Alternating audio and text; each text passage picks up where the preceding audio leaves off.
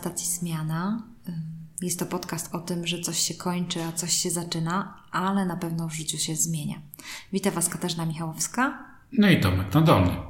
Chcieliśmy teraz przeskoczyć na inny temat, dlatego że do tej pory tak bardzo się skupialiśmy na pracy, ale wiadomo, że kiedy pracujemy, to też jesteśmy zestresowani, nasze życie może ulec zmianie, możemy też doświadczać jakichś różnych symptomów i może się okazać nagle, że może jesteśmy chorzy. Ja właściwie ten temat ignorowałem całe życie, ale odkąd y, własne jedzenie noszę przy sobie i w różnych miejscach z różnymi ludźmi jem lunch na przykład, otwierając pudełka, no to naturalnie nawiązujemy rozmowę na temat tego, co ludzie jedzą, na co chorują, co im szkodzi, na co są uczuleni itd., tak itd. Wiecie co, no, nie miałem pojęcia, że aż tak dużo osób ma problemy takie, o jakich dzisiaj będzie mowa, że tak dużo osób ma takie cywilizacyjne, czyli wynikające ze zmian przemysłowych w jedzeniu, ale i w ogóle z trybu naszego życia i ze stresu, że tak bardzo to się odbija na przykład na tym, jak, jak działa nasz organizm. Nie miałem o tym pojęcia, to jest kolejny krok w otwieraniu mi oczu ta, ta, ta rozmowa, bo już troszeczkę wcześniej o tym nawiązywaliśmy do tych tematów. No i bardzo Was zachęcam, również facetów, bo to nie tylko kobiety interesują takie rzeczy, tak mi się wydaje. Zaprosiliśmy do tej rozmowy właśnie Gosię Pszczołę, która jest y, właścicielką kliniki Immunozdrowie i Sylwię Hoffman-Bałdygę. I dziewczyny po prostu opowiadają o tym, dlaczego otworzyły tę klinikę, jaki mają pomysł na to, ze względu na to, że te choroby autoimmunologiczne, jak ty mówisz, są coraz częstsze i trzeba jakoś inaczej do nich podejść. A chcieliśmy z, na stacji Zmiana porozmawiać dlaczego? Dlatego, że prawdopodobnie jeśli odkryjecie, że macie chorobę autoimmunologiczną, to wtedy spotkacie, spotkamy się na stacji Zmiana. Wasze życie będzie musiało ulec radykalnej zmianie. No tak, bo tutaj okazuje się, że to tak nie ma prostego lekarstwa i nie ma na przykład jednej płaszczyzny, w którą się coś poprawia, przykręci śrubkę i jedziemy dalej. Musicie popatrzeć szerzej, w różnych płaszczyzn. E, trochę trzeba po prostu o siebie zadbać i wymaga to trochę więcej uwagi, posłuchania mądrych ludzi, wybrania swojej własnej drogi itd., tak itd. Tak no więc jak się na tą drogę wchodzi, kiedy się okazuje, że mamy z tym problemy, to dzisiejszy odcinek jest o tym, jak jesteście na rozstaju, kiedy się okazuje, że coś nie tak działa. Założę się, że jak posłuchacie ten odcinek, to domyślicie się, że jeśli wy jesteście zdrowi, to jest super a na pewno ktoś w otoczeniu miewa takie problemy, e, bo ja, ja jestem jakby trochę nie wiem, poróżony, przestraszony, e, trochę zaskoczony, że tak często wśród moich znajomych jednak tego typu problemy są. Być może, nie wiem, to wynika z, że żremy tych antybiotyków za dużo, albo... Pojęcia. No, tam zdaje się, że dalej dosłuchacie że tych powodów jest dużo różnych i nie sposób wyodrębnić jednego odpowiedzialnego winowajcy. E, no więc jedźmy. Zapraszamy Was do słuchania i do badań profilaktycznych również.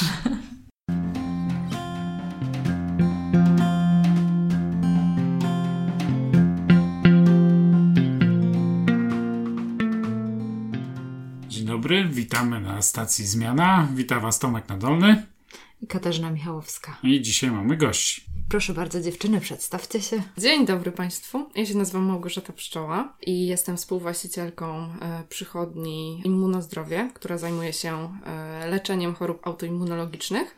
Wcześniej e, kierowałam inną przychodnią, która także zajmuje się ciekawymi przypadkami chorych na boreliozę, więc gdzieś tam taka moja misja życiowa to rzeczywiście mm, łączy się mocno z medycyną. Oraz witam, ja nazywam się Sylwia Hoffman-Bałdyga. Razem z Małgosią prowadzimy prowadzimy wspólnie Centrum Medyczne Immunozdrowie. Ja również pracuję jako psycholog yy, i generalnie od zawsze interesował mnie człowiek jako całość, jego psychika, jego zdrowie, więc pomimo tego, że nie jestem lekarzem, to mogę powiedzieć, że w jakimś sensie medycyna yy, jest, leży w kręgu moich zainteresowań i Również mm, tutaj muszę powiedzieć, że y, to zainteresowanie medycyną wzrosło od kiedy sama e, zachorowałam na chorobę autoimmunologiczną. O co chodzi z tymi chorobami autoimmunologicznymi? Jak, jak do tego w ogóle podejść? Dlaczego to jest jakaś wielka sprawa? Już wcześniej słyszałam od kilku koleżanek, że, że choroba autoimmunologiczna i tak dalej, i, i sama tak dokładnie nie znam tego, tak samo nasi słuchacze, więc chcielibyśmy, żebyście trochę przybliżyli naszym słuchaczom o co chodzi, dlaczego w ogóle takie taki pomysł, dlaczego taka klinika i skąd to wynika? W momencie, kiedy y, decydowałyśmy z Małgosią, że, że zakładamy centrum, to no, chciałyśmy skierować nasze działania y, do, y, do pewnej niszy, która moim zdaniem na, istnieje na rynku medycznym. E, mianowicie właśnie choroby autoimmunologiczne są teraz, można powiedzieć, pewną plagą. Jest coraz większa ilość osób, która e, doświadcza jakiejś choroby z tego zakresu, bo jest naprawdę, tam jest około 70 chorób na liście chorób autoimmunologicznych y, i mamy takie poczucie, a również ja właśnie jako osoba, która sama y, cierpi na jedną z tych przypadłości, że nie ma takiej dobrej, całościowej opieki medycznej nad osobami z chorobami autoimmunologicznymi. Y, więc jakby no stąd pomysł na to, żeby w tym się specjalizować. Oczywiście my leczymy również inne choroby, mamy lekarzy różnych specjalności, ale akurat chciałyśmy, żeby ta, ta dziedzina stała się takim, taką osią naszego centrum. W, w naszym, nie wiem, towarzystwie w, wśród przyjaciół, rodziny, no, okazywało się, że jest bardzo dużo osób, które mm, gdzieś tam borykają się z, z chorobami autoimmunologicznymi. Na przykład w rodzinie Sylwii, z tego co pamiętam, każdy ma jakąś chorobę autoimmunologiczną. Na sześć osób cztery mają. No właśnie, tak. więc y, generalnie ten temat nas mocno ciekawił. Mm, fajne jest to, że myślicie o tym, żeby rozwiązać jakiś problem, czyli wasz biznes, pomysł na biznes jest takim wyjściem od problemu, od tego, że gdzieś nie ma takiej możliwości, że ludzie, rozumiem, że nie są roztoczeni taką pełną opieką. Jak myślicie, gdzie tkwi ten problem, że tak nie jest, że, że po prostu, że, że nie ma takich ośrodków, że brakuje e, takich miejsc, gdzie ludzie, którzy mają takie choroby autoimmunologiczne, mogą dostać pomoc. Mi się wydaje, że to wynika z. Ja nie jestem lekarzem, ale tak jak obserwuję, wynika to chyba z tego, w jaki sposób kształci się w tej chwili lekarzy. Są pewne specjalizacje. Każda z nich zajmuje się pewną y, grupą chorób.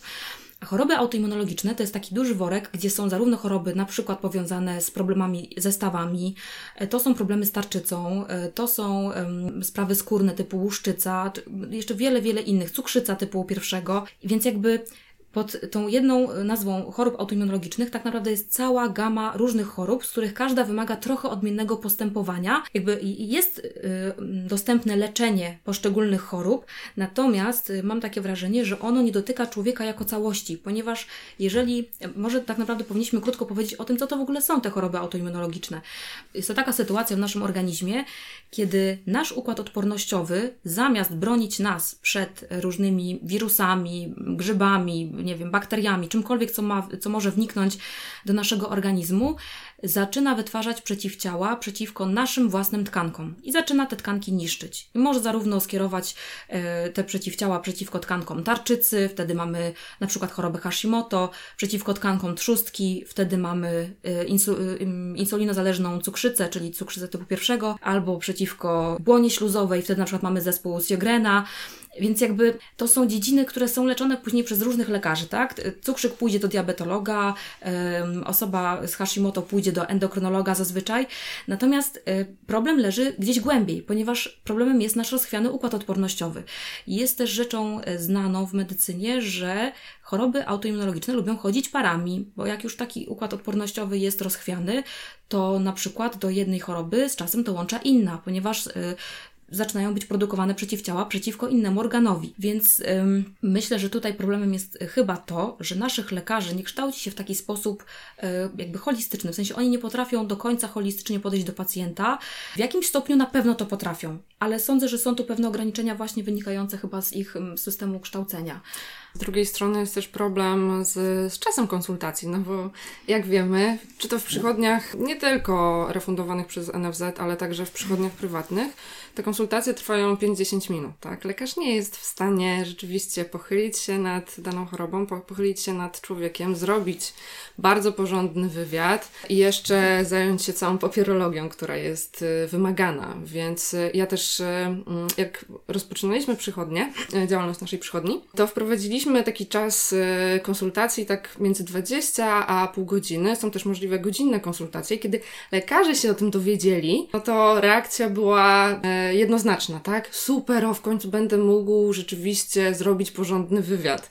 To o czym świadczy, tak? Że, że rzeczywiście ten czas, żeby porozmawiać z pacjentem i dowiedzieć się czegoś więcej jest potrzebny, a no, najczęściej go nie ma. A powiedzcie, skąd się te choroby biorą i dlaczego od jakiegoś czasu dopiero się o nich mówi, że to jest jakieś osobne, wydzielone zjawisko szersze, które, trzeba, które po prostu zostało zdefiniowane Raczej, mm, raczej było, ale nie w takim stopniu jak teraz. Na pewno tutaj dużą rolę odgrywa czynnik genetyczny. Mnóstwo osób ma po prostu jakiś gen, który mm, jakby sprawia, że mamy zwiększoną podatność na pojawienie się tego typu chorób, ale mówi się jeszcze o tym, że w przypadku tych chorób jest ważny czynnik, y, są ważne czynniki środowiskowe i takie czynniki wyzwalające, czyli y, między innymi świat, w jakim teraz żyjemy, żywność, jaką spożywamy, toksyny obecne w otoczeniu, albo to, że od jakiegoś czasu, na przykład jeżeli chodzi o chorobę Hashimoto, podejrzewa się nadmiar jodu o, o powodowanie właśnie zapalenia tarczycy typu Hashimoto. Czyli jakby tego typu czynniki środowiskowe, które kiedyś nie były obecne, a dzisiaj są, mogą również zwiększać e, ryzyko zachorowania. Oprócz tego są czynniki e, właśnie wyzwalające, tak zwane spustowe, czyli na przykład silny stres. Żyjemy w bardzo stresujących czasach. Gdzie jakby silne stresy mogą, są na przykład wystarczające, żeby wyzwolić chorobę. Y, I wydaje się, że kiedyś, znaczy prawdopodobnie kiedyś te choroby były obecne. Na przykład moja mama choruje na zapalenie stawów już od około 20 lat. Czyli to nie jest tak, że tego nie było.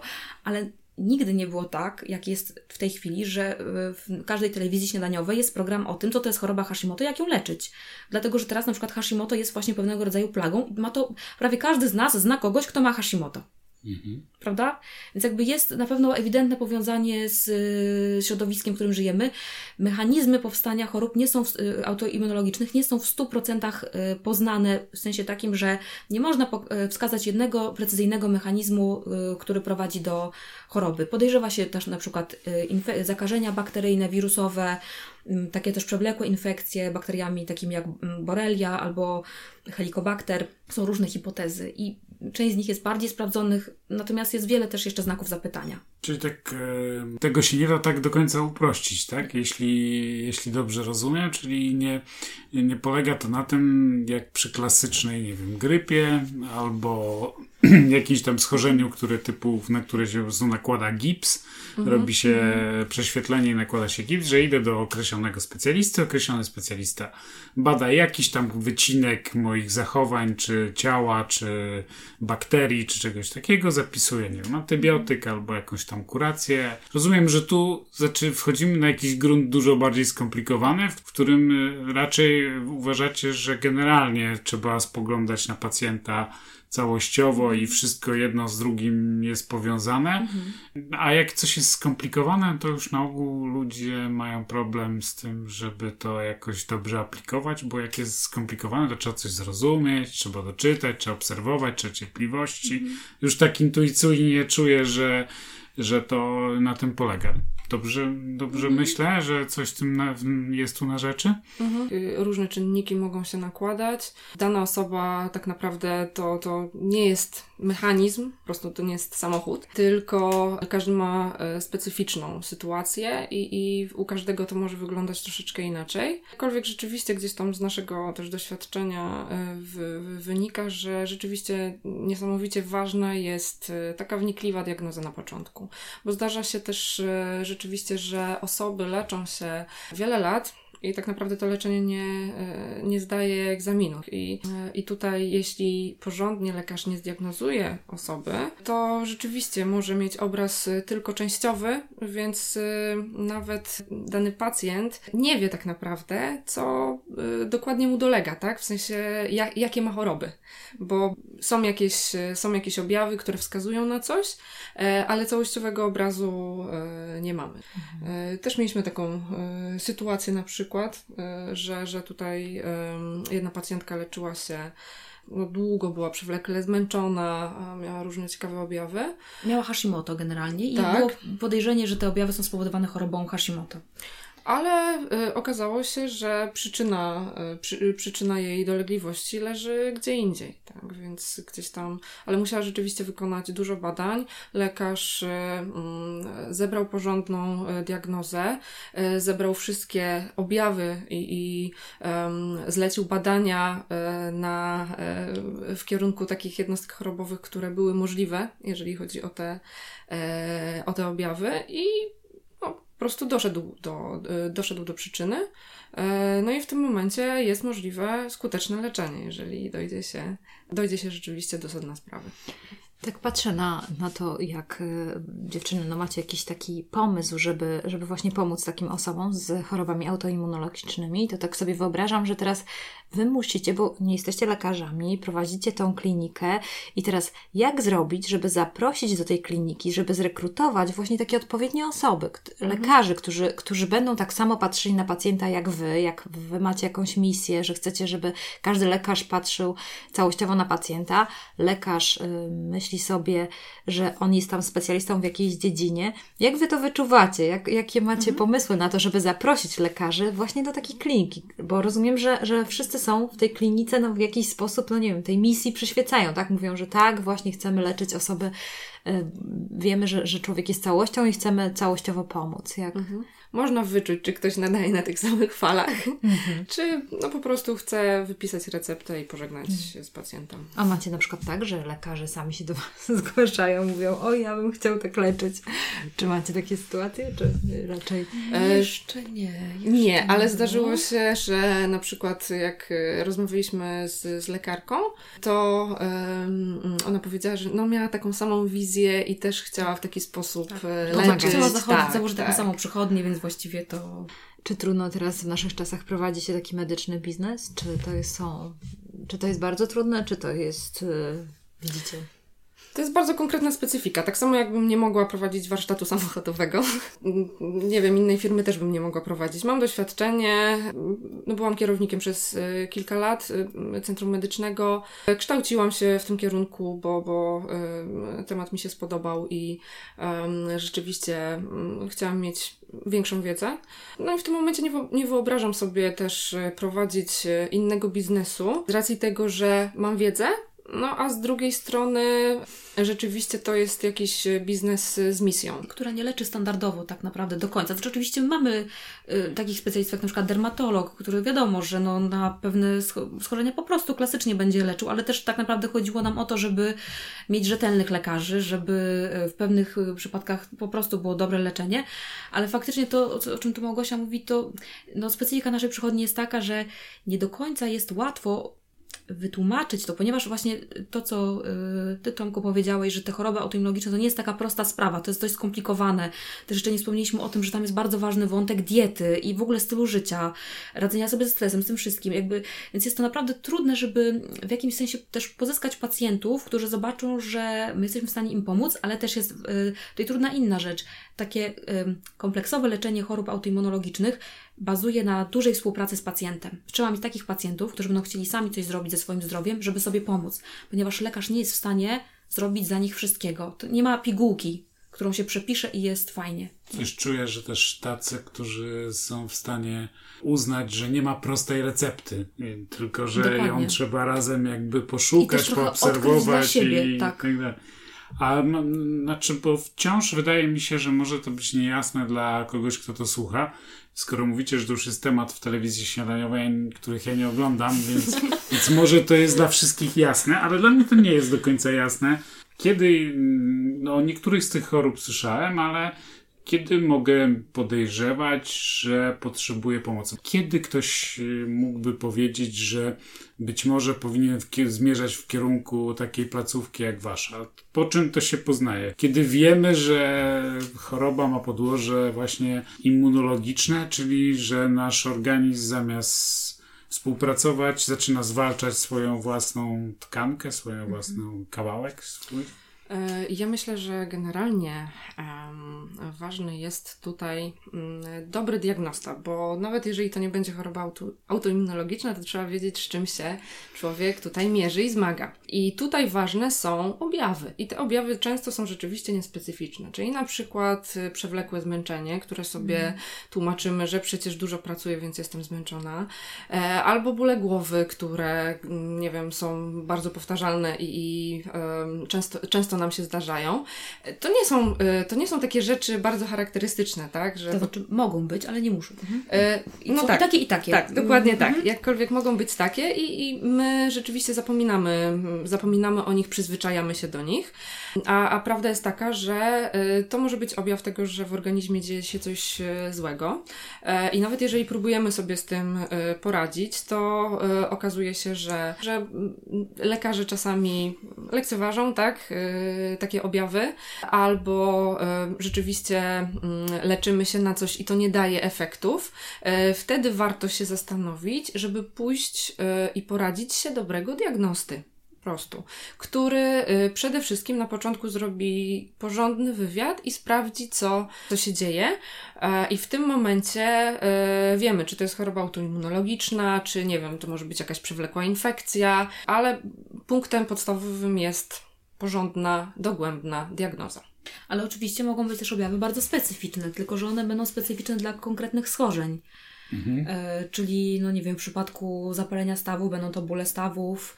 W przypadku... Jakieś uczulenia takie, tak? A uczulenia to w ogóle jest bardzo taki ciekawy temat, dlatego że się y, okazuje, że w ogóle większość alergii i również y, mówi się o tym, że w większości chorób autoimmunologicznych, albo nawet we wszystkich, y, odgrywa ważną rolę zespół nieszczelnego jelita.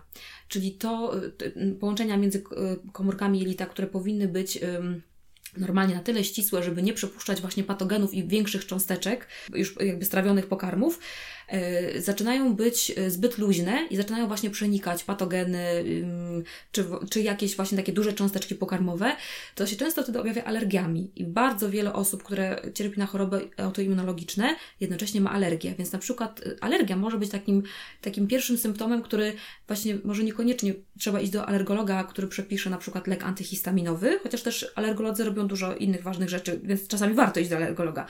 Ale niekoniecznie właśnie warto zwalczać to po prostu zwykłymi lekami antyhistaminowymi, które po prostu złagodzą nam objawy, tylko właśnie może się okazać, że już wtedy y, nasze jelito jest na tyle nieszczelne, że na przykład przepuści takie cząsteczki, które nasz organizm rozpozna jako wrogie i zacznie na przykład atakować yy, przez to swoje komórki, przez taką jakby prze, yy, taką wyolbrzymioną reakcję. Yy, jednym z takich przykładów jest gluten. Mówi się o tym, że właśnie gluten nie dość, że powoduje rozszczelnienie tych mm, komórek jelitowych, to jeszcze ma ponoć budowę podobną do komórek tarczycy. I u wielu osób, u których występuje nietolerancja glutenu, mm, jakby jest taka hipoteza, że, y, że właśnie choroba Hashimoto między innymi rozpoczyna się przez to, że organizm próbując wyeliminować te cząsteczki glutenu, które przenikają przez zbyt rozszczelnione jelito, atakuje komórki tarczycy. Więc jakby takie właśnie to, o czym mówiła Małgosia, te różne nieswoiste objawy typu zmęczenie albo właśnie jakieś dolegliwości z układu pokarmowego, takie powiedzmy średnio niepokojące, tak, czy mało niepokojące. Te różne rzeczy właśnie, które Małgosia wspomniała, to są te takie objawy nieswoiste, które mogą być pier pierwszą lampką alarmową, no albo pojawi się już po prostu coś konkretnego z danej, z danej dziedziny, czy to problemów skórnych, czy właśnie stawowych, czy innych.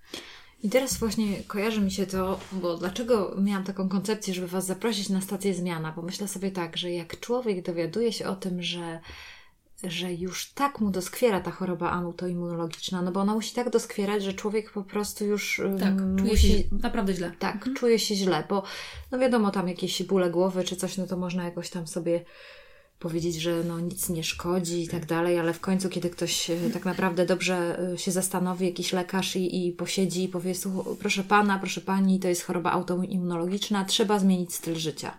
Trzeba po prostu zmienić w ogóle podejście do życia. No to wy właściwie y, robicie no, rewolucję wtedy w życiu takiego pacjenta. W sensie takim, że ci lekarze wasi, nie?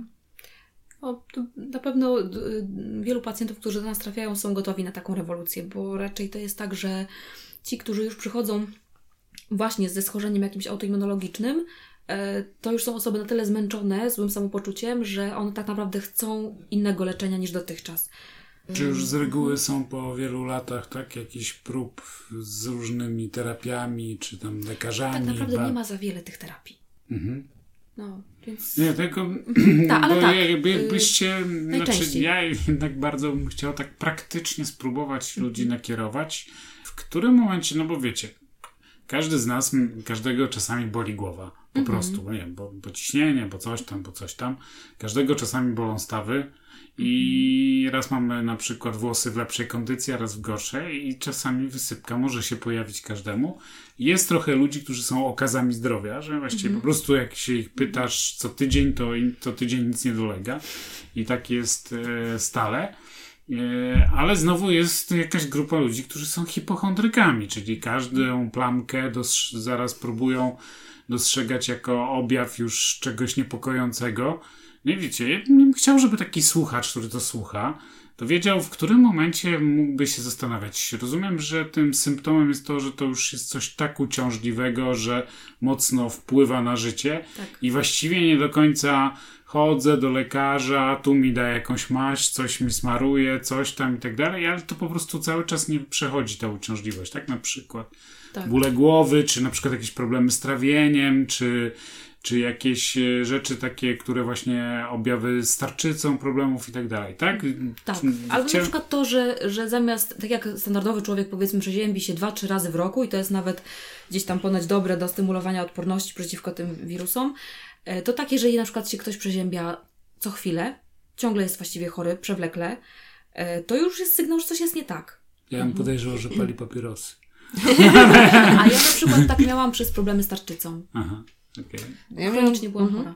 Ja miałam też e, trochę takich właśnie niespecyficznych objawów, które już w końcu zaczęły mnie mocno denerwować. E, łapałem nieduszności, to się gdzieś tam nasilało regularnie. E, bóle głowy miałam kilka razy w, w tygodniu. M, Przewlekłe zmęczenie też się nasilało tak, że, em, że po prostu już miałam dosyć normalnie, e, najnormalniej w świecie. I chodziłam do lekarki rodzinnej, ale powiedziała, że jestem całkowicie zdrowa i nic mi nie dolega, muszę się przemęczyć. E, No i w końcu trafiłam do osoby, która się e, pochyliła nad moim przypadkiem, zrobiła mi więcej badań, e, wyszła mi przewlekła infekcja, no i teraz nie mam z tym problemów, tak? W sensie rzeczywiście, bo głowa mnie boli od święta, duszności zniknęły, jestem żywa i, i radosna. Może tylko dopowiem, mówiąc o przewlekłej infekcji, Małgosia ma na myśli takie, bo wiem, że to może nie być jasne, nie chodzi o zwykłą infekcję taką wirusową typu przeziębienie, tylko o to, że w naszym organizmie namnożyła się jakaś bakteria albo wirus w tak dużej ilości, że, że jakby, że tak powiem, stała się trochę naszym lokatorem i, i to jest jakby już zupełnie inna sprawa. To są tak naprawdę przewlekłe rzeczy. Ciężko jest z tym walczyć, ale można. Okej, więc jeżeli mówicie o tym, to co wtedy musiało się zmienić w waszym życiu? Jak wy teraz y, funkcjonujecie? Czy co taki pacjent, no bo teraz trochę tak mówicie z punktu widzenia też pacjenta, co taki pacjent musi zmienić w swoim życiu, żeby, żeby lepiej funkcjonować, żeby zacząć być zdrowy? Jakie wtedy, jak widzicie wasi, wasi pacjenci, z czym wychodzą? Y, Czy dostają listę leków, czy dostają listę zaleceń? Jak Dostają, znaczy ja dostałam listę leków, bo to była bardzo konkretna jednostka chorobowa, z którą no, musiałam sobie tutaj y, poradzić, ale też chodziło o zmianę odżywiania, tak. E, No więcej ruchu to jest typowe, e, ale też bardzo konkretna dieta, tak. Więc y, ja dostałam i to, i to, leki i mm, zmianę stylu życia. Y, Tak naprawdę my chcemy te dwie rzeczy łączyć, czyli z jednej strony jakby leka, chcemy opierać się na dobrej, takiej właśnie, jak Małgosia wspominała, rzetelnej diagnozie, żeby w- jakby z, tej, z tego medycznego punktu widzenia zobaczyć dokładnie z czym się mierzymy. Też to, co jest y, konieczne właśnie, y, jeżeli są leki konieczne do zastosowania, to oczywiście je zastosować, ale takim drugim ważnym filarem jest u nas dieta i styl życia. Bym powiedziała tak, każdego pacjenta z chorobą autoimmunologiczną zachęcamy do wizyty u naszego dietetyka. Właśnie dlatego, która zresztą dietetyk Julita Kordońska, która była gościem jednego z Waszych podcastów. Y, I jest to dla nas naprawdę ważne, dlatego że no, są tak silne dowody przemawiające za tym, że, że to y, szczelne jelito jest podstawą dobrego samopoczucia w chorobach y, z autoagresji, że no ciężko byłoby to zlekceważyć, tak? To jest jakby u niektórych... Mm, pacjentów zachodzą naprawdę dramatyczne zmiany na plus po zastosowaniu diety, co oczywiście nie jest takie proste, ale jest nawet przypadek y, pewnej lekarki, która no, jest dostępny w internecie, yy, która, yy, to jest amerykańska lekarka, która sama zachorowała na stwardnienie rozsiane, które również jest chorobą autoimmunologiczną i yy, była już w stanie takim, że po prostu jeździła na wózku. I ona zaczęła po prostu, jako lekarka, zaczęła sama analizować, co może zrobić i po prostu zastosowała dietę, dość taką, y, powiedziałabym, trudną dla większości z nas. Między innymi jadła bodajże trzy talerze zielonych, zielonolistnych warzyw, z tego co pamiętam. Y, I tam jeszcze, jeszcze oczywiście inne, y, inne rzeczy, ale efekt jest taki, że ta kobieta dzisiaj stoi na własnych nogach, chodzi, że tak powiem, mówi wykłady. Więc jakby taka jest moc odpowiednio zastosowanej diety.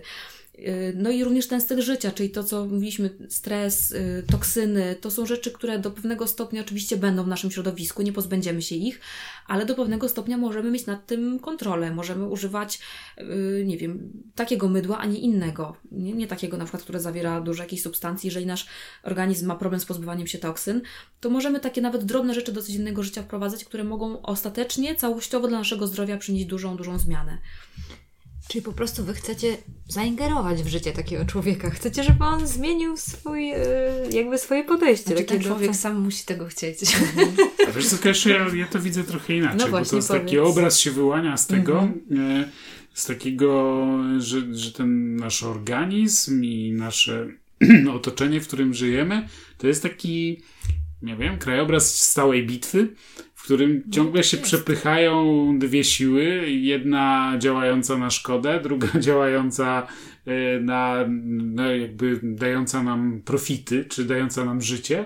E, ta życiodajna i ta śmiercionośna. Wszyscy dążymy kiedyś tam, że nasze komórki wszystkie obumrą, ale e, ja tak jakby to widzę, że środowisko, długotrwały, zwłaszcza długotrwały stres, bo ja nie sądzę, żeby w średniowieczu nie było stresu, wręcz odwrotnie był, tylko pewnie taki długotrwały, e, stały stres. E, zresztą oni żyli dużo krócej. Tak. Też prawdopodobnie e, ta długość życia powoduje, że bardziej to, co zapisane w genach, ujawnia się, nie wiem, koło 60, 50, 70. Jeszcze możemy funkcjonować dzięki zdobyczom cywilizacyjnym całkiem sprawnie, a tu nagle ujawniają się jakieś rzeczy, które tam gdzieś pewnie już byśmy dawno na ból zęba zeszli 300 lat temu czy 400, albo na, nie wiem, na wrzut na kolanie, po prostu dawno byśmy odpadli i z gry, a teraz żyjemy i jakoś trzeba sobie z tym radzić. Więc ja mam takie wrażenie, że to o to chodzi, że te bakterie tak samo są dobre, są złe.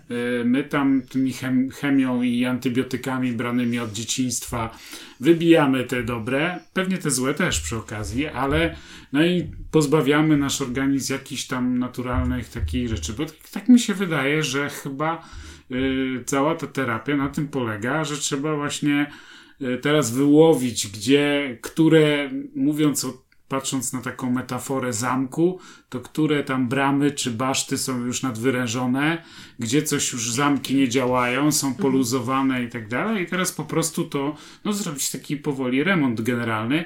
A remont generalny dużego zamku to może trwać. tak mi się wydaje.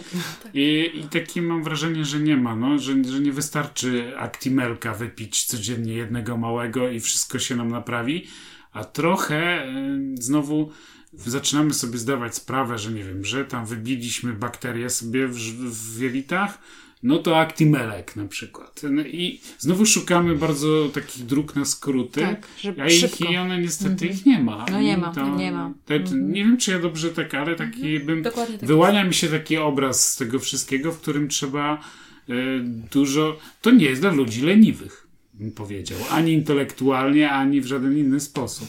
Nie. To na pewno wymaga wysiłku i co więcej takiego, y, ta współpraca z pacjentem jest potrzebna dlatego, że każda osoba jest inna i to, co działa świetnie na jedną osobę, to może nie być kluczowe u drugiej. Na przykład kwestia jakiejś nietolerancji pokarmowych, więc jakby to jest kwestia też, są pewne rzeczy wspólne, ale są sprawy bardzo indywidualne. Dlatego to jest jakby ważne, żeby właśnie ta dobra diagnoza szła w parze też z taką współpracą z pacjentem po prostu. A na przykład y, teraz właśnie mi się tak, y, jak mówicie, to mi się skojarzyło. A co ze stresem? Czy w ogóle pomagacie jakoś, jak sobie radzić z tym stresem? No bo co tutaj? Jak, jak to ten poradzić? Taki stres po prostu. No mamy możliwość konsultacji z psychologiem, ale e, na ten moment nie mamy takiego opracowanego programu, tak, radzenia sobie ze stresem. Natomiast myślimy o tym. E, no też się jakby rozwijamy i, i stopniowo nam przybywa tych pacjentów e, właśnie z chorobami, z autoagresji. Także myślimy o stworzeniu takiego kompleksowego programu. Natomiast też stres nie jest jednakowym problemem u wszystkich osób. Nie zawsze jest to czynnik, który jest nadal aktualny. Czasami jest tak, że pewien okres silnego stresu spowodował wyzwolenie u nas choroby i on minął. Na przykład to mogła być y, śmierć kogoś bliskiego, utrata pracy, cokolwiek, co było takim silnym y, stresem trwającym na przykład kilka miesięcy. Y, na ten moment możemy sobie całkiem nieźle radzić ze stresem. To już może nie być tak istotny temat, dlatego to po raz kolejny jest to sprawa bardzo indywidualna, co na dany moment jest u nas tutaj istotne, co może być przeszkodą w powrocie do takiej równowagi organizmu.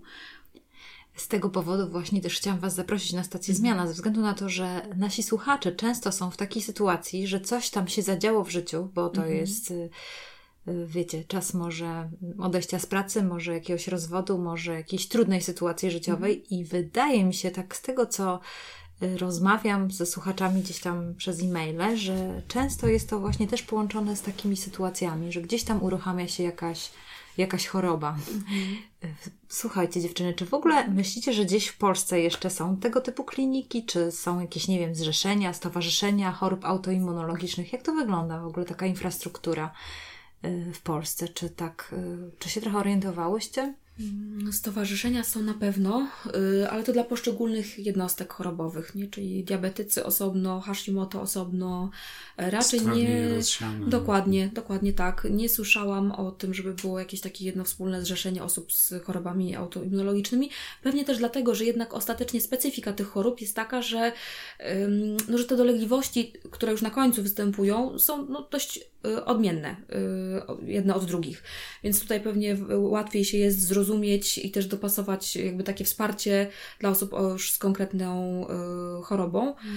Mm. Natomiast jeżeli chodzi o kliniki. Mm, kojarzę jedną klinikę z Warszawy, gdzie leczy się zapalenia stawów i tam również jest silny ten filar dietetyczny. Gdzie się leczy generalnie stawy, tam też mają y, or, y, ortopedów, czyli jakby generalnie poszli w tym kierunku chorób właśnie stawowych, yy, układu kostnego. To, to o nich czytałam i, i tam widzę, że mają taką fajną działalność. Natomiast jakby są, powiedziałabym, że y, może nie ma jakby dokładnie dwóch takich samych klinik, bo też słyszałam o, o innych klinikach, gdzie leczy się przewlekłe infekcje, y, więc jakby to, co jest u nas, to też jest w Polsce w innych miejscach, y, natomiast sądzę, że nie dokładnie jest to kopia. Mieliśmy taki okres y, w dziejach, w którym leczyliśmy bardzo, skupiliśmy się na leczeniu konkretnych bardzo rzeczy. Mhm. A trochę mi to tak y, nie wiem, ja to okiem racjonalisty staram się zmierzyć, e, ale trochę mi to tak wygląda, że po prostu e, serwujecie ludziom trochę takie połączenie lekarzy, lekarza, terapii, odzyskiwania e, harmonii, można powiedzieć, która waszym zdaniem przejawi się też nad znacznym poprawą takiego dobrostanu również i fizycznego i E, no i psychicznego, bo to mhm. rozumiem, że jedno z drugim ma do czynienia. E, no i również tego, że dieta powinna też e, powodować pewne cuda, powiedzmy w cudzysłowie, ale zaciekawiłyście mnie z, tym, z tą chorobą stawów. Co to znaczy, że jak kogoś boli noga, to wtedy, czy jak to, bo... I ja, na, na, czym, na czym to jakby Jak brzmi pytanie? Nie, nie, no pytanie brzmi, na czym to polega, że taka tak zwana przewlekła choroba stawów. Ja cały czas chciałbym, żeby po prostu e, spróbować e, słuchaczom powiedzieć, e, w którym momencie na przykład mogą podejrzewać, że to, co dokucza, nie wiem, mężowi od lat albo mamie od lat, to właściwie no okej, okay, no jest ktoś tam kuśtyka, ktoś tam ciągle się skarży na coś i tak dalej, ale właściwie znaczy się, że od pięciu czy siedmiu lat nie, mhm. nic nie zrobił, żeby ruszyć istotę, bo coś tak mi... I teraz yy, na pewno słuchacze by chcieli wiedzieć, yy, do, poznać, gdzie mają szukać jakby wskazówek, nie? gdzie mhm. mają się zastanowić nad, gdzie, skąd ma wynikać e, refleksja tego typu, bo no, u was może tak być, że ktoś po prostu przychodzi konkretnie e, koleżanka koleżance powiedziała, że jak e, podejrzewasz, że masz Hashimoto, to idź do tych e, dziewczyn i może one ci pomogą. Albo ktoś usłyszy w telewizji śniadaniowej o takich chorobach i zacznie szukać, czy w otoczeniu, tu w którym mieście jest miejsce, które ma u siebie na stronie tego typu choroby. I teraz pytanie tak naprawdę mm, jak ci ludzie mają w ogóle wiedzieć, że to jest, mm, że to może być to, a może nie być to? Poza tym, co, co już wspominałeś na początku, że coś jest mocno uciążliwe, długotrwałe yy, i coś, na co do końca obecne jakieś medyczne procedury nie, nie potrafiły znaleźć lekarstwa. No bo tak rozumiem, że że takim, taka pierwsza definicja, jaka mi przyszła do głowy. E, ale kiedy na przykład mógłbym wiedzieć, że nie wiem, że, że ktoś u mnie w domu być może to powinien skierować kroki do Was, a, jest, a zupełnie mu to na razie jeszcze nie przyszło do głowy, bo nie słucha na przykład stacji zmiana, więc mu to znaczy tak, jeżeli chodzi, część pacjentów po prostu e, no, nie za bardzo chce jakiejś wielkiej zmiany w swoim życiu, szukają po prostu standardowego specjalisty, gdzie się chcą po prostu poradzić i, e, i takich pacjentów też, e, też mamy, mhm. którzy po prostu no, nie chcą, nie widzą sensu tutaj. Klasycznego leczenia, tak. po prostu dobrej medycyny w klasycznym wydaniu. Mhm.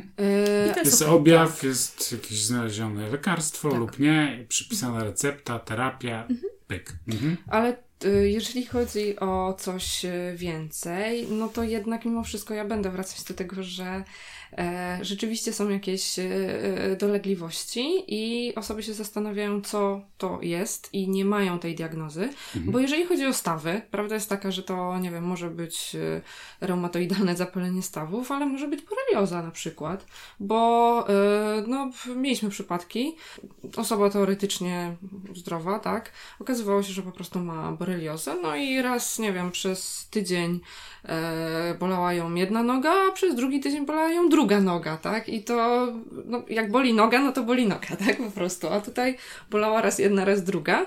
E, więc, e, więc ja znowu wrócę do tej diagnozy, że e, mm, jeżeli są jakieś e, objawy, tak, i, i, i tutaj się coś pokazuje, no to po prostu warto jest znaleźć kogoś, kto lubi diagnozować, tak? Dla którego diagnoza jest ważna, kto rzeczywiście pochyli się nad tą osobą. No, nie ma tak naprawdę innej drogi, bo y, można po prostu pójść sobie ze swoimi objawami do y, lekarza, który no, po prostu wypisze, wypisze paracetamol i, i nie zrobi badań. No ale kiedy pójść, y, kiedy szukać y, czegoś więcej? No wtedy, kiedy po prostu coś dolega, tak? Ale też y, jest tak, że czasami trafiają do nas osoby, które już mają diagnozę, są leczone, ale pomimo tego nie do końca czują się dobrze. I to jest właśnie ta grupa pacjentów, która jest już gotowa na to, żeby zmienić dietę, y, czy zmienić jakby coś, cokolwiek innego w swoim stylu życia. Mm. Albo też właśnie jest, y, jest wtedy potrzeba poszukania, czy są jeszcze jakieś przyczyny poza tą podstawową jednostką chorobową, która już została zdiagnozowana gdzieś mhm. indziej to pytanie, o którym Ty mówiłeś wcześniej, czy na przykład ten, ta boląca noga, skąd możemy wiedzieć, czy to już jest choroba autoimmunologiczna, yy, trzeba zrobić badania. Dokładnie tak. Mhm. Są po prostu konkretne przeciwciała, które są w stanie potwierdzić, yy, że to jest choroba autoimmunologiczna. No chyba, że już mamy chorobę w tak zaawansowanym stadium, że na przykład widać yy, zwyrodnienia kostne gołym okiem, ale to się dzieje już w bardzo zaawansowanym stadium, raczej jest ciężko y, przeżyć. Sąd- Sądzę, że raczej wcześniej każdy pójdzie do y, chociażby do reumatologa, tak, żeby się zdiagnozować, czy do lekarza rodzinnego. Także nawet nasz lekarz pierwszego kontaktu, jeżeli mamy dobrego lekarza rodzinnego, jest bardzo dobrą osobą, żeby pójść i po, jakby porozmawiać z nim, jeżeli jest cokolwiek, co nas niepokoi przez dłuższy czas. Tak jak ten przykład, który mówili, że kogoś 5 lat już gdzieś tam boli noga. To raczej coś oznacza. Raczej, no zdrowa noga nie powinna boleć, nie? To jest na tej zasadzie. Przyczyną, wie, czasami są, są, są to sprawy takie ciężkie do zdiagnozowania. Ym, Ja natomiast- rozumiem, że do Was raczej trafiają takie przypadki trudniejsze. Nie, nie do końca Nie? właśnie, bo Są częściowo dwie, tak, dwie grupy pacjentów. dwie grupy pacjentów. Część pacjentów, tak jak powiedziałyśmy, które, y, którzy szukają Konkretne schorzenie, konkretne leczenie. Tak, standardowego leczenia. dobre, Tak, tak? bo na, konkre- na pewne schorzenia jest potrzebne konkretne leczenie. E, No i nie wszystko musi być bardzo skomplikowane, a jest druga grupa pacjentów, które, e, którzy mają po prostu bardziej skomplikowane tutaj objawy, skomplikowaną sytuację chorobową, e, no i potrzebują czegoś e, więcej, tak? Organizm ludzki to nie jest rzeczywiście mechanizm samochodu, tutaj się popsuł akumulator, więc, więc go, nie wiem, wymienimy. Każda osoba jest trochę inna i, i rzeczywiście nad niektórymi osobami trzeba troszkę bardziej popracować, a niektórzy po prostu, no, jest to zwykłe przeziębienie i tyle. A czy macie taką jakąś, nie wiem, osobistą satysfakcję, że widzicie pacjentów, którzy, y, którymi ta klinika pomogła i widzicie takie przypadki, że możecie się cieszyć, że ktoś y, naprawdę poprawił swoje samopoczucie? To jest właśnie też to, co nam daje dużo satysfakcji w tej pracy, że mamy po prostu poczucie, że realnie nasz zespół jest w stanie komuś pomóc. Bo jakby staramy się też mieć takich lekarzy, którzy będą uzupełniali nawzajem swoje, swoje działania. Yy, I na przykład mieliśmy taki ciekawy przypadek pani, pani, która yy, jakby jeździła na wózku i była u nas, u naszego neurologa ze względu na silne bóle kręgosłupa. I nasza neurolog no, stwierdziła, że nie ma jakby przyczyn neurologicznych i skierowała ją do y, osteopaty, czyli takiego fizjoterapeuty o specjalizacji właśnie zajmującej się bólem, tak w skrócie można powiedzieć. E, nie umniejszając tutaj wszystkiego, co jeszcze robią osteopaci. Jest to naprawdę bardzo ciekawa dziedzina. E, I osteopata, który z nami współpracuje, e, po prostu zabrał tej pani ból, jeśli mogę tak powiedzieć. Więc to było dla mnie osobiście tak niesamowite, że kobieta, która przez lata cierpiała, y, no naprawdę męczyła się po prostu przez całe lata, po kilku konsultacjach naprawdę y, odczuwała ogromną ulgę. Więc dla mnie to są takie przykłady, które po prostu sprawiają, że, że jakby chce się robić to dalej, chce się też. jakby odkrywać nowe rzeczy, dlatego chcemy też się zająć takimi zupełnie już nowatorskimi terapiami, które są oczywiście znane na świecie, bo my nie będziemy odkrywać Ameryki, ale chcemy korzystać z tego, co jeszcze w Polsce jest mało znane, na przykład terapia naltreksonem w niskich dawkach, która w tej chwili no, są, jakby, publikacje na ten temat, że są, jest to taki, taka substancja, która właśnie stosowana w niskich dawkach e, tak moduluje działanie układu odpornościowego, że wygasza wiele objawów w chorobach autoimmunologicznych, co jest praktycznie bardzo trudne do uzyskania przy klasycznych terapiach. Jednocześnie nie, nie ma prawie żadnych skutków ubocznych, więc jest to takie odkrycie y, naprawdę światowe, które moim zdaniem za jakiś czas, jest to bardzo tani lek, tak naprawdę, więc jest w stanie zastąpić wiele, wiele innych leków, y, tak naprawdę poprawiając funkcjonowanie naszego układu odpornościowego.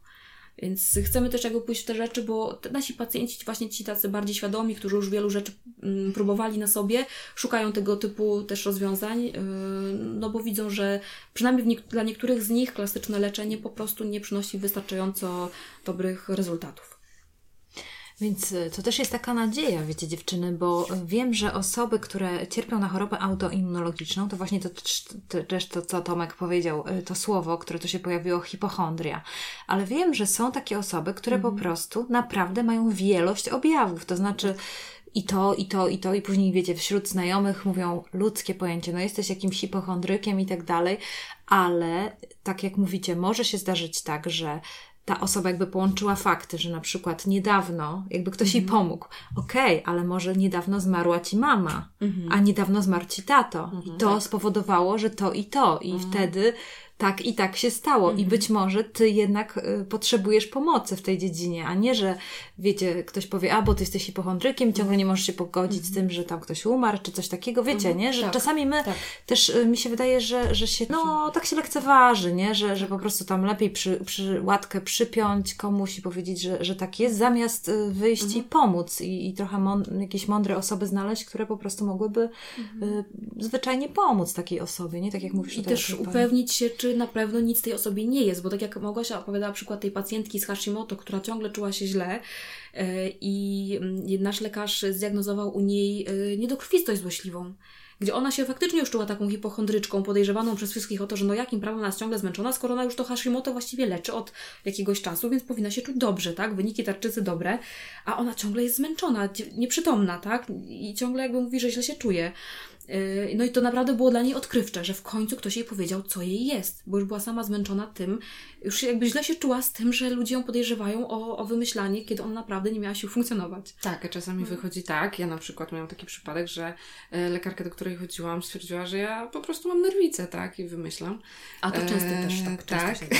I dopiero później, jak y, zaczęłam leczenie, tak, ktoś mnie zdiagnozował, to e, no, okazało się, że to jednak nie była nerwica, tylko przewlekła infekcja Mhm. bakteryjna. Dokładnie, dokładnie. Nawet to, że czytaliśmy, pamiętasz, u Przemka właśnie on się tak dzielił, y, bo rozmawialiśmy z Przemkiem Staroniem, on się tak dzielił publicznie y, też takim swoim y, zmaganiem, że właśnie między innymi właśnie nerwica, albo mówią, że a, syndrom jelita drażliwego, a okazało się, że, że to jest po prostu, trzeba inaczej leczyć i, i w końcu tam dostał jakieś dobre leki i w końcu przestał mieć problemy takie gastryczne, nie? To, co jest po prostu ludziom spędza sens powiek i wiecie, każdy tylko się leczy na, na syndrom jelita drażliwego. Ja też mam koleżankę, która nie wiem, mówiła mi, że nie wiem, po 7 latach czy po 8 latach jakichś stałych objawów w końcu ktoś ona ma po prostu boreliozę, z czym żyła prawie, tym- no nie wiem, nie pamiętam, czy to była dekada, czy, czy, czy ale do jakieś długie lata. Stałe dolegliwości, których e, po prostu nie znała przyczyny i każda z tych dolegliwości osobno w jakiś sposób próba leczenia, czy zapobiegania, czy nie wiem, a to wygrzej, a to tamto, a to coś, no najróżniejsze sposoby. Przy czym mi się wydaje, że to też jest tak, że ludzie bliscy nam, e, jak słyszą ciągle, że mamy jakieś dolegliwości, no to oni też sobie muszą jakoś z tym radzić. I my po prostu e, stwarzamy dla nich krzyż nie do udźwignięcia. No. I, my, I ta bezradność, że nie możesz nic pomóc, że widzisz, że ten ktoś chodzi do tych lekarzy, że ma tam w, i w lodówce i obok lodówki stoi cała torba różnych lekarstw i niby, no też byś chciał, żeby to, żeby ta osoba, to twoja bliska w jakiś sposób y, była zdrowa. No to jest normalne. Ponieważ sam nie wiesz co, no to próbujesz, y, no to już coś zrób, no to już idź, no to prześwieć się, no nie wiem i tak dalej. Także ja myślę, że na tym polu też występuje wiele y, dodatkowego jeszcze stresu. Jeszcze są oczekiwania pracodawcy, jeszcze dzieci, jeszcze różne tam, nie wiem, niespłacone kredyty, które niektórych męczą bardzo i tak dalej, i tak dalej. No i to wszystko razem wpływa i ty, stąd ja się tak pytam tak naprawdę o takie objawy, o tego typu rzeczy, bo, no bo ja jestem osobą, która jest generalnie zasadniczo zdrowa, pomimo niezbyt zdrowego trybu życia wcześniej, e, więc ja bardzo rzadko chodzę do lekarza. Nawet dzisiaj rozmawiałem o tym, że u lekarza rodzinnego swojego byłem chyba z 5 lat temu i nie wiem do końca w ogóle, gdzie mam tego, gdzie jestem zarejestrowany jako ten tam rodzinny, więc jestem bezcennym klientem dla NFZ-u. Tak. E, ale, w, ale w każdym razie się tak zastanawiam, kiedy mam, znaj, znam sporo osób, które naprawdę często są chore, tak? Często są chore, wyglądają na mocno zmęczone, wyglądają na cierpiące i tak dalej. No i oczywiście, kiedy jest ku temu podstawa, typu jakieś zakażenie, złamanie, y, choroba serca, cukrzyca, na przykład jakaś ostra, czy po prostu ból kręgosłupa, bo nie wiem, bo kręg się przesunął z powodu wypadku, no to też łatwiej jakby zrozumieć wtedy, tak? Łatwiej zrozumieć, aha, no tak, no ten ktoś miał wypadek, okej, po tym wypadku coś nastąpiło, ale y, pytanie jest, wiecie, no, mamy tu dookoła ludzi, którym chciałby wyciągnąć rękę, po coś pomóc, a tu oni ciągle są zmęczeni, rozdrażnieni, albo bez przerwy y, właściwie wszystko im przeszkadza w jedzeniu i tak dalej, i tak dalej. Takich osób jest jednak całkiem, jak tak się dokładnie rozglądam, to jest ich całkiem sporo. E, no i próbuję jakby tu z wasz, z tego co mówicie, wyłapać, czy przypadkiem to nie są właśnie nie tyle potencjalni dla was e, pacjenci, co być może po prostu oni powinni się zastanowić nad taką opcją, że może po prostu podejście jest złe, tak? Że, że nie wiem, że leczą katarki różne Mhm. i różne nieżyty żołądka, a tutaj by trzeba było zupełnie trochę inaczej podejść i stracić tą godzinę czy dwie Tak. na to, na ten, na to porozmawianie dokładnie o tym, o po kolei o tym, co się dzieje w życiu, a co jemy, a jaką aktywność, a jak pracujemy, a co nas denerwuje i tak dalej, i tak dalej. Y, No bo tak jakoś mi, tak to się układa w, w taką układankę, ale mm, może ja źle myślę. Nie, to jest y, mm, prawidłowe myślenie, bo jeżeli idziemy do lekarza i mówimy, y, chcę coś na katar, bo mam katar i gorączkę, to nam lekarz przepisze, tak? A jeżeli jeszcze dopowiemy, że ta gorączka i ten katar zdarzają się kilka razy w miesiącu, no to to jest już inny obraz, tak? Więc bez rozmowy takiej dłuższej z lekarzem, lekarz y, nie może zobaczyć, czy to jest coś poważniejszego, y, co trzeba prześledzić, czy po prostu pacjent chce coś dostać na Doraźnie. katar, tak, doraźnie, dokładnie. I wtedy pacjent, jeżeli przychodzi i nie powie czegoś więcej, tak, to wtedy mm, lekarz będzie leczył tylko objawowo, tak naprawdę. E, Poza tym jest taka stara, zdroworozsądkowa zasada, że jeżeli coś nie działa, to znaczy, że trzeba zrobić coś innego. Więc jeśli ktoś ciągle choruje na coś tam, czy ciągle go coś boli i on coś robi, żeby nie bolało, ale dalej boli, to znaczy, że to nie działa. I Trzeba zrobić coś innego, czyli poszukać innej metody. W Polsce jest też dużo takich, e, zwłaszcza kobiet, które mężnie wiele lat znoszą jakieś dolegliwości czy bóle i, i nie tego nie do końca rozumiem. E, dlaczego po prostu całe lata na przykład no po prostu uznają, że tak musi być, że to, że to musi tak boleć, czy coś. W sumie tak naprawdę całe ich życie i osobiste, i, i fizyczne, i tak dalej, no, no mocno na tym jest poszkodowane i cała rodzina i tak dalej, no bo jednak ciągle na przykład te migreny, takie rzeczy trzeba, to, to wszystkich dotyczy w całym domu, ale ja mam wrażenie, że jest dużo takich, ko- zwłaszcza kobiet, które po prostu jakoś tak ten krzyż trzeba nieść, czy jak to tam nazywają e, różnie, ale te, dla mnie na przykład osoby, która generalnie jest całe życie na razie zdrowa, aczkolwiek miałem w rodzinie bardzo chore osoby i mam to, to jest po prostu jakby trudne też nawet wejść w takie buty i sobie wyobrazić, jak to jest, że bez przerwy się czujemy źle. E, Dla mnie jest to po prostu niewyobrażalne i mnie chyba to też, ja sam siebie łapię na tym, że jak ktoś tak ciągle stęka, to ja no, uciekam od tej osoby albo mówię, no to weź coś łyknij, nie wiem, idź, idź coś zrób z tym, coś zrób, no bo zupełnie nie umiem zdiagnozować, a, a po prostu wiem, że, że tego typu osoby się zdarzają, które tak naprawdę dzień w dzień coś im tam i to właściwie tylko trzeba stawiać na to, czy w środę to będzie głowa, czy w piątek będzie noga. I też mam taką skłonność, że chętnie bym wrzucił to w szufladkę hipochondria, a jak jest? Nie A jest może być jeszcze jeden bardzo y, ciekawy powód, dlaczego tak się dzieje. Y, to już jest z dziedziny psychologii. Czasami jest tak, że jakaś nasza dolegliwość, w ogóle cokolwiek, co nas spotyka, ale to może być przykładowo jakaś dolegliwość, jest przez nas, mm, powiedziałabym tak, y, może je, nie, nie pojawia się na nasze żądanie czy na nasze życzenie, ale jeśli już się pojawia, czasem się zdarza, że okazuje się być do czegoś przydatna. I niektóre osoby y, nie robią, nie robiąc czegoś ze swoimi dolegliwościami, na przykład właśnie zamęczając tym otoczenie, e, czasem robią tak dlatego, że do czegoś tej, tej dolegliwości potrzebują, bo na przykład pozwala im uniknąć czegoś nieprzyjemnego, e, czegoś trudnego dla siebie. Chodzić gdzieś tam. Na albo, przykład. Albo na przykład ciągle zwracają tym na siebie uwagę. Czyli, Na przykład. Czyli znowu wracamy do tego, od czego zaczęliśmy, że człowiek to jest całość Tak. psychologiczna, fizyczna i że y, tu gdzieś się poluzuje, to znowu coś trzeba wzmocnić i tak dalej, i tak dalej.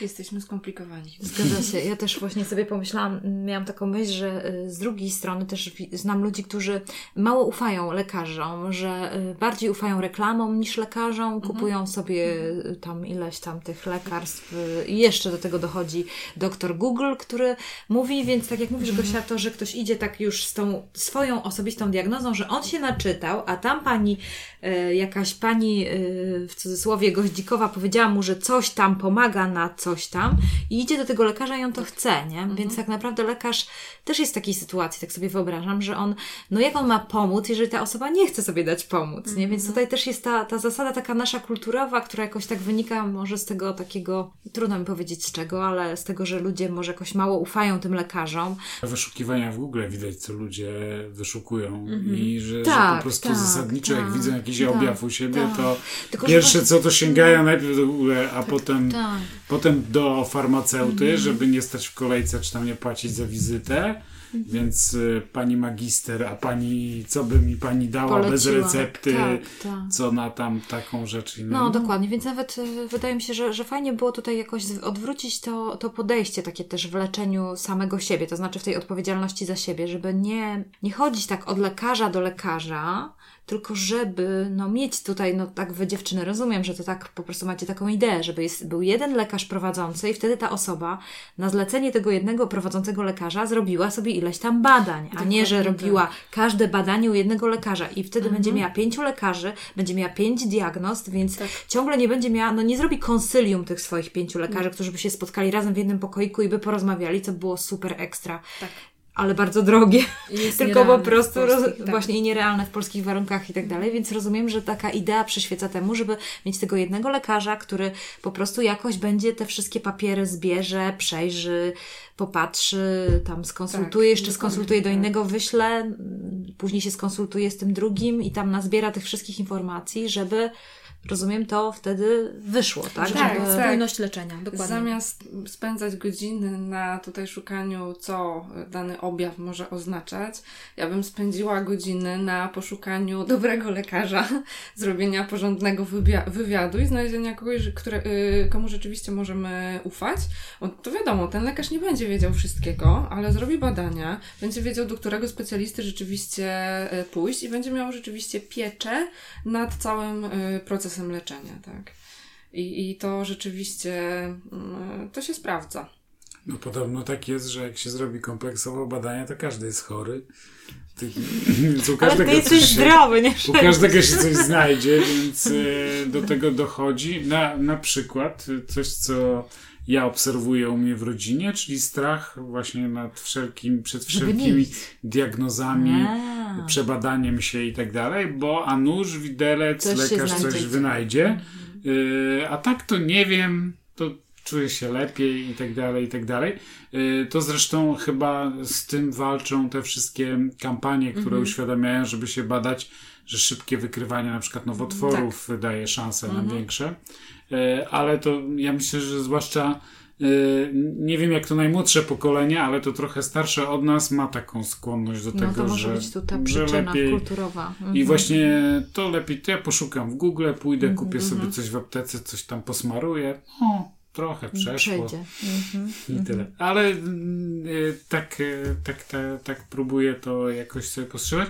Sam jestem też takim przykładem, który tak, ma iść do lekarza, to Znaczy to długo pójdzie. muszę się przekonywać, że, że, że, że, po prostu nie ma sensu, tak? Ani, że to jest i oszczędność i czasu, i pieniędzy, i tak dalej, że czasami z czymś się człowiek buja kilka tygodni, e, a tak naprawdę jedna wizyta pra- prawdopodobnie to załatwia. I nieraz się tak przekonałem, że tak jest. Czyli, że coś, co mi tam dokucza, nie trzy tygodnie, idę do lekarza, dermatologa, to jest banalny powód jakiś, który jest załatwiony w trzy dni. A czy się namęczy i w ogóle.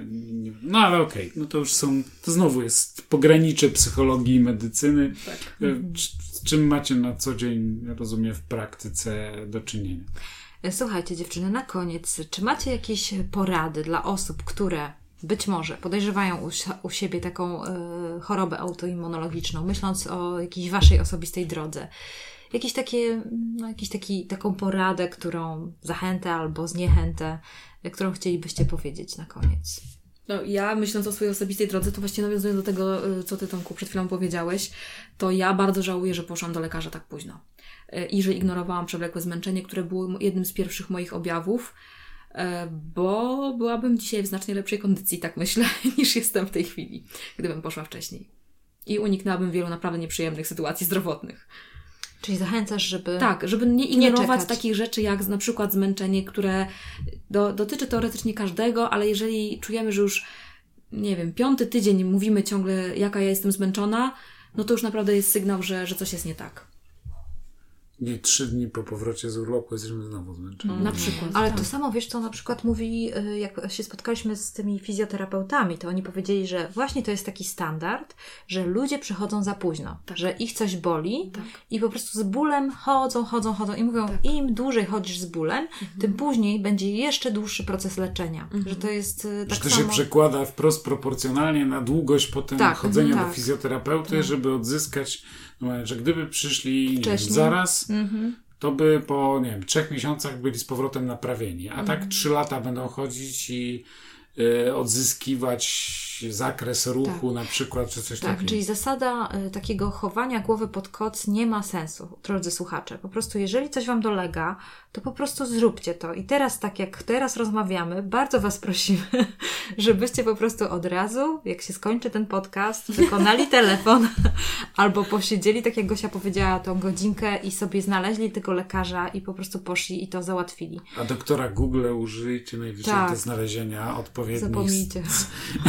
Odpowiednich ludzi. Tak. Jak już. Y, jakąś mądrą klinikę, gdzie właśnie są takie dziewczyny jak tutaj, które mają misję do tego, żeby ludziom pomagać i po prostu są tacy ludzie. To nie jest tak, że wszyscy po prostu są źli na świecie. Z drugiej strony, jak słucham i was i łączę te kropki, jakimi są poprzednie rozmowy, które mieliśmy, y, to na przykład y, dosłownie dwa dni temu widziałem koleżankę, która przy automacie takim takim żywieniowo-kawowym.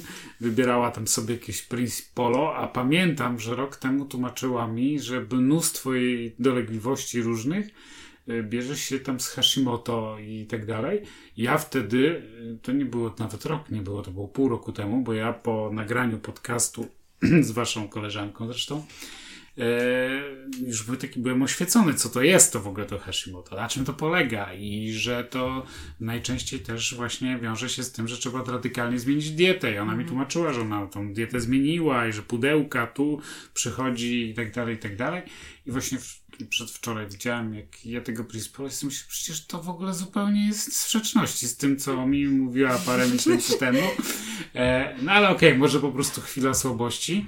E, z drugiej strony powiedzcie, gdzie, gdzie o was informacje można znaleźć i czy jest jakieś miejsca też w sieci polecacie do czytania, jakieś, nie wiem, jakieś blogi albo jakąś stronę, albo was, gdzie znaleźć, no bo to e, to takie sakramentalne pytanie na koniec, ale, ale gdzieś moglibyśmy skierować tych, którzy chcą teraz jeszcze dalej pogłębić.